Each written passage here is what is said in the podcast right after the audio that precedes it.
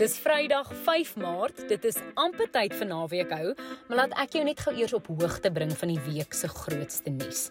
Dit was weer 'n besige nuusweek vir al my Suid-Afrika wat na vlak 1 van die inperking geskuif het.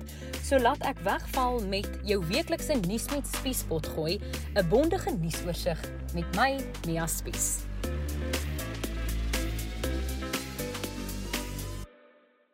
Dit is vandag presies 'n jaar vanaf die eerste COVID-19 geval in Suid-Afrika aangemeld is op 5 Maart 2020. Dit voel eintlik soos 'n leeftyd terug. Van toe af en dis nou volgens die amptelike syfers tot nou het meer as 1 en 'n half miljoen Suid-Afrikaners al COVID-19 gehad en meer as 50 000 landsburgers het al weens COVID-19 gesterf.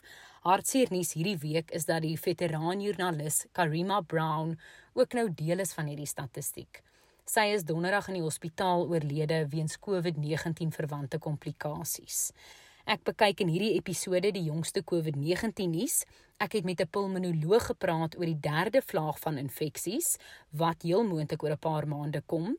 Ons kyk ook na ander groot nuus wat die weekie hoofopskrifte gehaal het, soos 'n reeks polisiemoorde, verwikkelinge by die Zondo-kommissie, die konflik in Myanmar en ek vertel jou waar jy sekerlik een van die mees opspraakwekkende onderhoude in die geskiedenis kan kyk. Dis natuurlik die onderhoud wat Oprah met Prins Harry en Meghan gevoer het. So laat ons wegval met die hoofnuus die week en dit is dat die inperkingsregulasies van 'n aangepaste vlak 3 verslap is tot vlak 1 na wat president Cyril Ramaphosa 'n drastiese afname in nuwe infeksies in die laaste 8 weke noem. Our approach has always been that much restrictions should not remain in place longer than is absolutely necessary to contain the disease. Due to the decline in infections, the country can now ease some of the restrictions on movement and on activity. Once again, we do so very cautiously even after a sustained period of relatively low transmission, we have seen how the number of new infections can rise rapidly and without warning. Onder vlak 1 is die aandklokreël verslap, so dit geld nou van middernag tot 4uur in die oggend. Alkoholverkope mag weer normaalweg voortgaan behalwe tussen middernag en 4uur die oggend. Byeenkomste word weer toegelaat met 'n maksimum van 100 mense binnenshuis en 250 mense in die buitelug of nie meer as 50% van die venue se kapasiteit nie.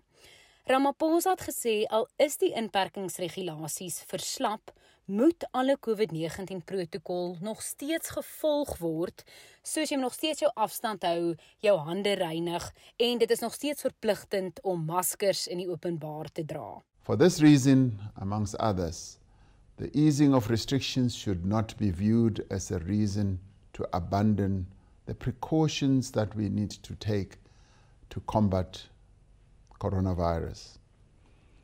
The threat of a third wave is constantly present, as is the threat of yet new variants. Die pulmonoloog Dr Dante Plekker sê dit is nie 'n geval van of daar 'n derde vlaag kom nie. Dit is eerder 'n geval van wanneer dit gaan kom. Ek dink dat dit waarskynlik in die vroeë wintermaande gaan gebeur so hier om en by Mei maand rond. Ek dink soos wat die inperkings opgehef word en mense meer en meer in groter groepe gaan vergader, gaan ons 'n toenemende oordrag van die virus sien. En daar's mense wat selfs sal sê dat dit hier oor die Paasnaweek kan geskied. My gevoel is dat dit waarskynlik 'n bietjie langer gaan wees en ek verwag weer 'n toename van infeksies hier rondom my maand. Ramaphosa het ook gesê dat Suid-Afrika se inentingsprogram goed vaar en dat daar onderhandelinge is om miljoene meer dosisse en stof vir die land te kry. Tot dusver is net meer as 80 000 gesondheidswerkers al ingeënt. Ek het vir dokter Plekker gevra of Suid-Afrika vinnig genoeg vorder met die inentings om byvoorbeeld kudde immuniteit te kry. Ek dink nie dat die tempo waarteen inentings gaan plaasvind voldoende gaan wees om binnekort 'n tipe van 'n kudde immuniteit te bereik nie. Ons ervarener waarheid op hierdie stadium dat daar maar redelik rompslomp is met die toediening van die inenting veral in die privaat sorg uh met van ons privaat gesondheidswerkers wat selfs in ons uh, COVID intensiewe sorgeenheid werk wat nog nie ingeënt is nie. Ehm um, ek is ook bekommerd oor die logistiek uh agter uh die tweede golf van van inentings wat moet plaasvind en veral of die regering dit sal kan hanteer. Uh dis mag sal maklik wees om mense te identifiseer op grond van ouderdom, maar ek is nie so seker hoe maklik dit gaan wees om noodwendig mense met risikofaktore te identifiseer wat eers geïmmuniseer moet word nie. En ek dink dat daar groot potensiaal is vir uh skelmstreke en dinge om daar plaas te vind. So ons moet maar nog sien hoe dit daarmee gaan gaan. Maar hoe dit ook al sê, ek dink dat dit nog baie baie maande en selfs jare gaan neem voordat 'n voldoende ehm um, gedeelte van die populasie ingeënt sal kan word om sodoende kudde immuniteit te bewerkstellig. So in die tweede fase van die enstofplan sal groepe soos bejaardes, ehm um, mense met onderliggende mediese toestande en noodsaaklike werkers soos onderwysers en polisiebeamptes ingeënt kan word en die fase sal hopelik aan die einde van April se kant kan begin. Ons beweeg nou na 'n ander onderwerp wat ook die hoofopskrifte gehaal het die week en dit is polisie moorde. Sewe polisiebeamptes is die afgelope 2 weke in Suid-Afrika vermoor. Dit is regtig tragies en in die jongste voorval is 'n 55-jarige beampte donderdag in Umkomaas in KwaZulu-Natal geskiet toe hy op pad werk toe is. Wat hierdie vir my nog meer traumaties maak en nog meer tragies maak is dat hierdie voorval gebeur het dieselfde tyd as wat 'n roudiens in Kaapstad gehou is vir twee polisiebeamptes wat die naweek in Kraaifontein vir hulle dienspistole vermoor is. Sersant Mnakwazo Mdoko en konstabel Mninawa Breakfast is Sondagoggend in die vroeë oggendure doodgeskiet terwyl hulle besig was met 'n roetine patrollie. So die minister um, van polisie, Bekkie Cele, het tydens 'n roudiens van nog 'n vermoorde beampte, konstabel Royal Ndlovu in KwaZulu-Natal gesê Dit lyk asof polisiebeamptes veral in KwaZulu-Natal en die Wes-Kaap geteiken word en hy het gesê hulle moet en hulle mag hulle self beskerm. There is war here and we must fight we must fight that war. For the fact that we have dead bodies here it tells us what we are under attack and we must repel that and make sure that when the dust settles we're not picking up the dead bodies of the police. Nou weer na die Zondo-kommissie van ondersoek na staatskaping wat die week weer Eskom verwante getuienis aangehoor het.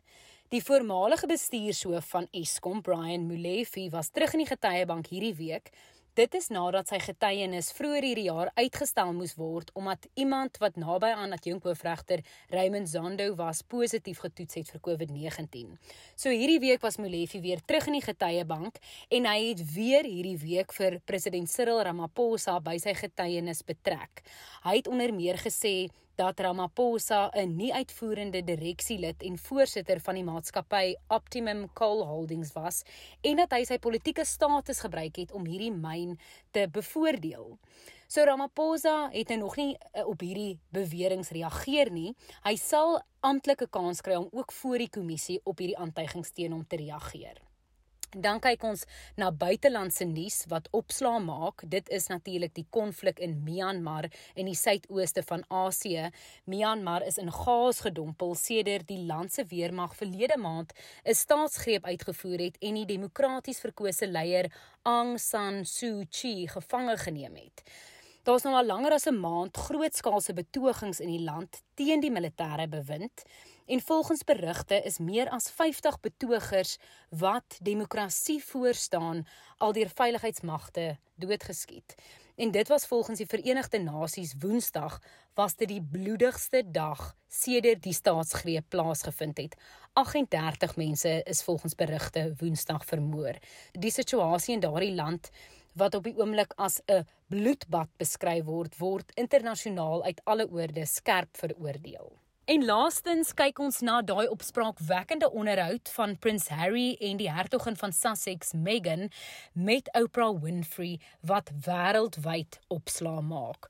So die onderhoud met die Sussexe, hulle het natuurlik verlede jaar hulle loopbane as senior koninklikes vaarwel geroep, word Sondag in Amerika uitgesaai En dit het nou aan die lig gekom dat Mnet die regte bekom het dat die onderhoud ook volgende week in Suid-Afrika gewys sal word. So volgens die lokbrand lyk dit of hierdie egpaar regtig nie gaan terughou in die onderhoud met die kletskoninge nie. You've said some pretty shocking things here. Wait, hold, hold up, wait a minute. Die onderhoud sal maandag aand 08:30 op Mnet te sien wees. Das hy, dis jou nuus vir die week. As jy meer ingelig voel nou dat jy die potsending geluister het, deel dit asseblief met ander sodat hulle ook ingelig kan wees. Lewer ook asseblief kommentaar op hierdie plasing en laat weet my van watter nuus jy meer wil hoor of dalk minder van wil hoor in volgende week se potsending. Nuus met Spies is 'n produksie in samewerking met die Potgooi Produksiehuis Volume. Ons vervaardigers is Roland Perolt en Andy Siwe May en hierdie heerlike temalied wat jy hoor in die agtergrond is deur Curtis Kahl gekomponeer. Tot volgende Vrydag.